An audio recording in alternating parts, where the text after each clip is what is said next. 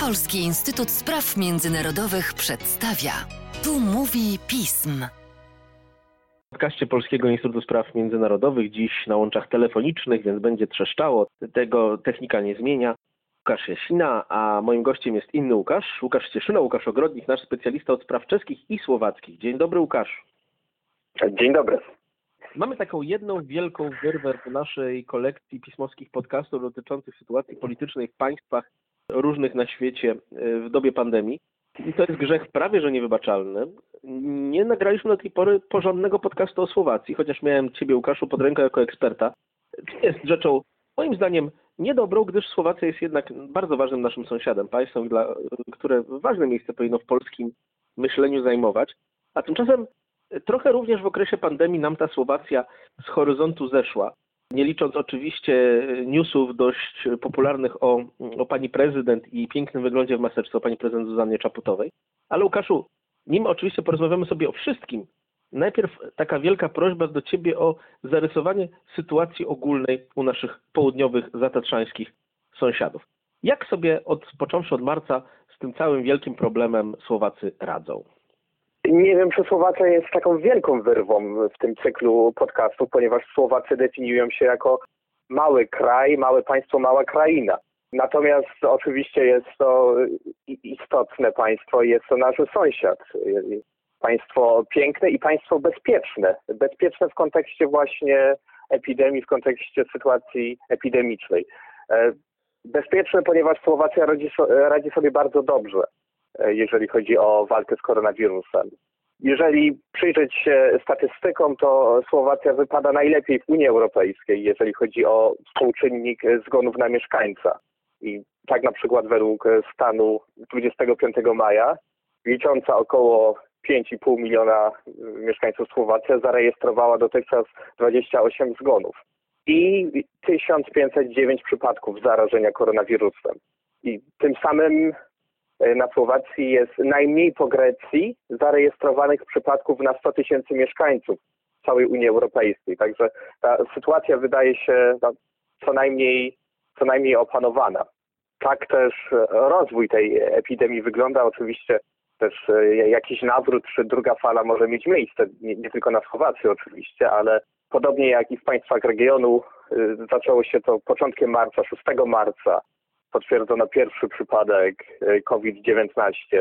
Jak dotąd najwięcej tych przypadków było w połowie kwietnia, ponad 100 przypadków, e, jeżeli chodzi o dzienny przyrost. I od tamtego czasu ta sytuacja zakażeń e, mocno wyhamowała. Tak oto w ostatnich dniach, jeżeli spojrzymy na te dzienne wzrosty zakażeń, to, to to jest jeden, dwa zakażenia na dobę. Były też dni, kiedy takich zakażeń w ogóle nie, nie zarejestrowano. Pomimo tego rząd Słowacji nie ogłosił e, jakby Słowacji wolnej od e, epidemii czy, czy końca walki z epidemią, jak, jak to miało miejsce w państwie o bardzo podobnym, o bardzo podobnej nazwie e, w Słowenii. Także rząd tutaj chucha na zimne, to też widać na przykład w kwestii luzowania tych kontroli granicznych, to może o, o, o tym jeszcze później powiemy, natomiast widać pewną ostrożność tutaj słowackiego rządu. Niemniej w ubiegłym tygodniu sfinalizowano ten ostatni, czwarty etap luzowania tych restrykcji. Też jest dowód, że sytuacja jest opanowana. Nie oznacza to, że wszystko jest możliwe teraz na Słowacji. Sytuacja wróciła zupełnie do stanu przed epidemią. E, imprezy masowe w dalszym ciągu są zakazane. Niektóre miejsca, tak jak kluby fitnessu, są w dalszym miejscu, e, w, w, w, dalszej mierze zamknięte.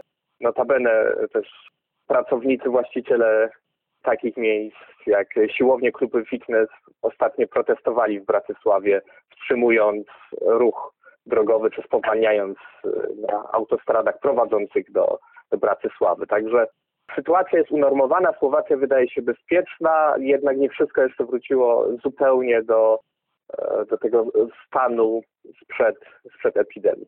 I pewnie jeszcze jakiś e, czas nie wróci. Pytanie. Natomiast wróciła chyba częściowo dyplomacja do do tego stanu sprzed epidemii. Przyzwyczailiśmy się do, do tych zdjęć nie tylko z regionu, ale i ze świata, spotkań przywódców, liderów, ministrów online, na Skype, na Zoomie, na innych aplikacjach. Natomiast w tym tygodniu swoją pierwszą podróż zagraniczną nowy minister e, spraw zagranicznych Słowacji, Iwan Korczok, odbył w Czechach, e, na, w barokowym zamku Waltice przy niedaleko słowacko-czeskiej granicy spotkał się ze swoim odpowiednikiem, więc to też jest jakby taki przejaw e, na tym polu dyplomacji, polityki zagranicznej, pewnego powrotu do normalności. Tym samym też no, podkreślił ten punkt zawarty też w nowym programie e, rządu nadzwyczajnych stosunków z Czechami, czy humorystycznie też nieco mówiąc, e, ta pandemia sprawiła no, wskrzeszenie tutaj Czechosłowacji. No cóż, nie, nie dziwi nas to w ogóle, ale też e, pokazuje to, że w przyszłości wszystko jednak troszeczkę choćby w kwestii podróży musi zacząć wracać do normy, bo pewnych spraw się nie da załatwić poprzez Zoom, Skype czy inne aplikacje, bo to wszystko jest nagrywane, Łukaszu i nie da się dyplomacji tak całkiem robić jednak w sposób jawny. Ale zacząłeś o polityce mówić. E, Słowacja jest państwem, które, którym wstrząsnęło jakiś czas temu, wstrząsnął jakiś czas temu bardzo poważny kryzys polityczny, które pokazało nie do końca swoje idealne oblicze, więc obok tego dobrego PR-u, jaki ma Słowacja w związku z epidemią, miała też jakiś czas temu bardzo zły PR.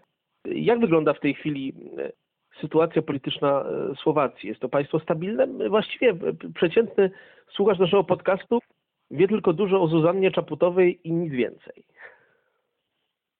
Tak, przechodząc jakby do tego świata polityki, e, to Słowacja oczywiście jest e, krajem stabilnym, a co charakteryzuje Słowację w tym okresie, to to, że Słowacja była ostatnim państwem y, w Europie, w którym odbyły się wybory parlamentarne przed epidemią.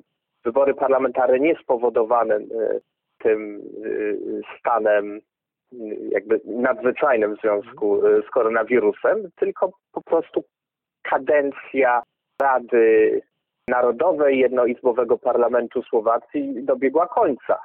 I w ostatni weekend lutego bieżącego roku odbyły się wybory parlamentarne, a zatem e, raptem kilka dni przed wykryciem pierwszego e, przypadku koronawirusa. Dowodem też stabilności Słowacji jest to, że to przejęcie władzy w czasie epidemii no, nadzwyczaj harmonijnie i sprawnie miało miejsce.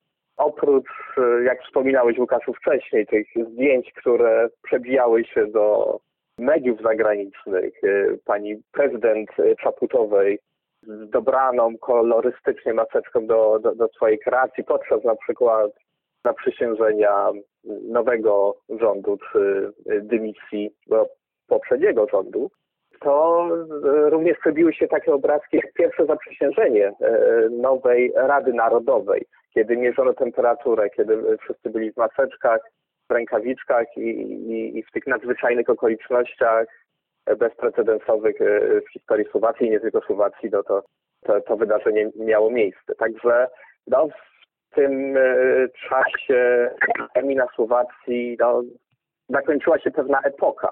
Nie myślę, że tutaj jest specjalnie nadmuchany, używając takich słów, ponieważ przez ostatnich kilkanaście lat pewna formacja polityczna, socjaldemokracja Roberta Ficy, SMEP. E, I właśnie w tym e, czasie w marcu doszło do zmiany warty i zmiany rządu. Obecnie rządzi czteropartyjna koalicja, która no, co więcej ma większość konstytucyjną pod wodą premiera Igora Matowicza. Raczej, jeżeli by scharakteryzować, scharakteryzować te partie, to są to partie e, prawicowe bądź centroprawicowe. Także no, wielkie zmiany polityczne też w ostatnich, w ostatnich tygodniach, ale też e, przejawem tej kontynuacji i, i, tej sprawności przejęcia władzy e, było właśnie zarządzanie tą, tą epidemią. Przykładowo ten kilkunastopunktowy pakiet gospodarczy wspomagający między innymi przedsiębiorców został ogłoszony wspólnie przez, e, no, wówczas jeszcze innego ministra gospodarki i jego następcę. Obecnie to jest e, też e, premier i lider jednej z partii koalicyjnej, Richard Sulik. Także tutaj taki przejazd też e, wysokiej kultury politycznej i kontynuacji. A e, z drugiej strony też e, nowy rząd pokazał politycznie taką wolę rozliczenia poprzedniej ekipy i odpowiednik takiego Urzędu Rezerw Materiałowych, odpowiednik dyrektora został, został zdymisjonowany. To była jedna z pierwszych decyzji no, nowego premiera, także i kontynuacja i, i wiele zmian jednocześnie Dziękuję Ci na Słowacji, politycznie. za to, co mówisz, bo, bo to rzeczywiście bardzo odbiega od wszelkiego rodzaju publicystycznych sądów o naszym południowym sąsiedzie.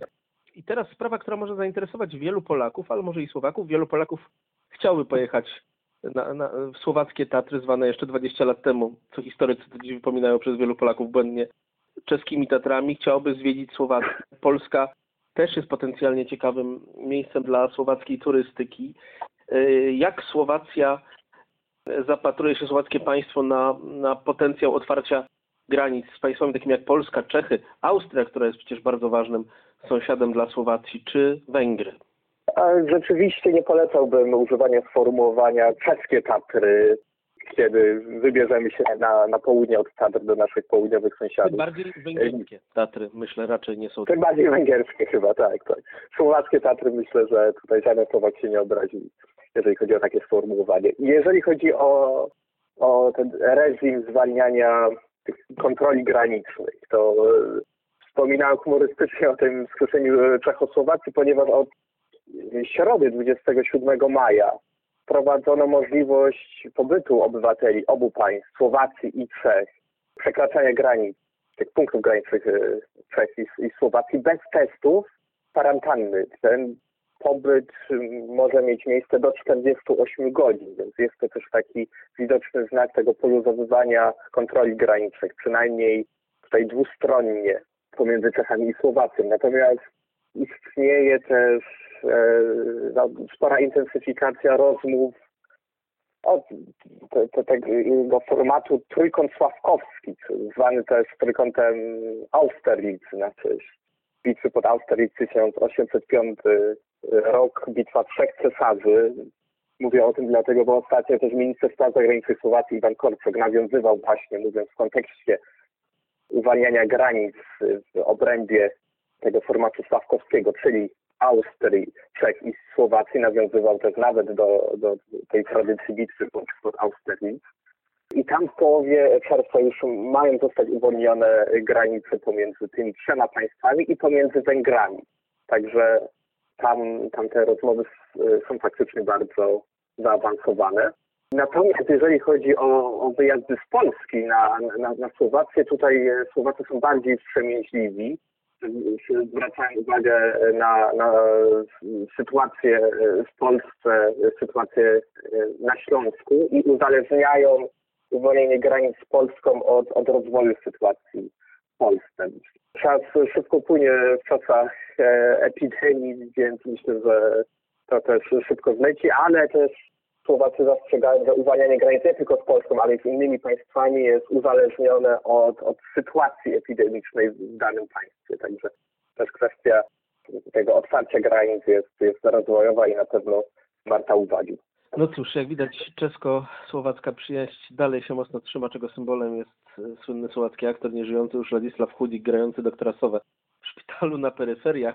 Ale i monarchia austro-węgierska trzyma się dobrze. Przypomnijmy więc naszym słowackim kolegom, że jednak przez Tatry graniczą z terenem dawnej monarchii. Ale Tak jest. na to, Łukaszu, myślę, że może się już uda w wakacje i samemu pojechać na Słowację i może przyjąć Słowaków w naszych pięknych miastach. Dziękuję Ci bardzo Oby tak było. za to, co nam opowiedziałeś. I to jednak jest, przynajmniej dla nas Polaków, duża wyrwa, że czasem o Słowacji czegoś nie wiemy, mimo tego, że Słowacy sami nazywają się małą Ukrainą. Niczym w tym e, im nie ujmuje ta, ta, taka nazwa, tak mi się wydaje. Trzymaj się, Łukaszu, zdrowo i do szybkiego zobaczenia w piśmie. Dziękuję Łukaszu, pozdrawiam, do zobaczenia.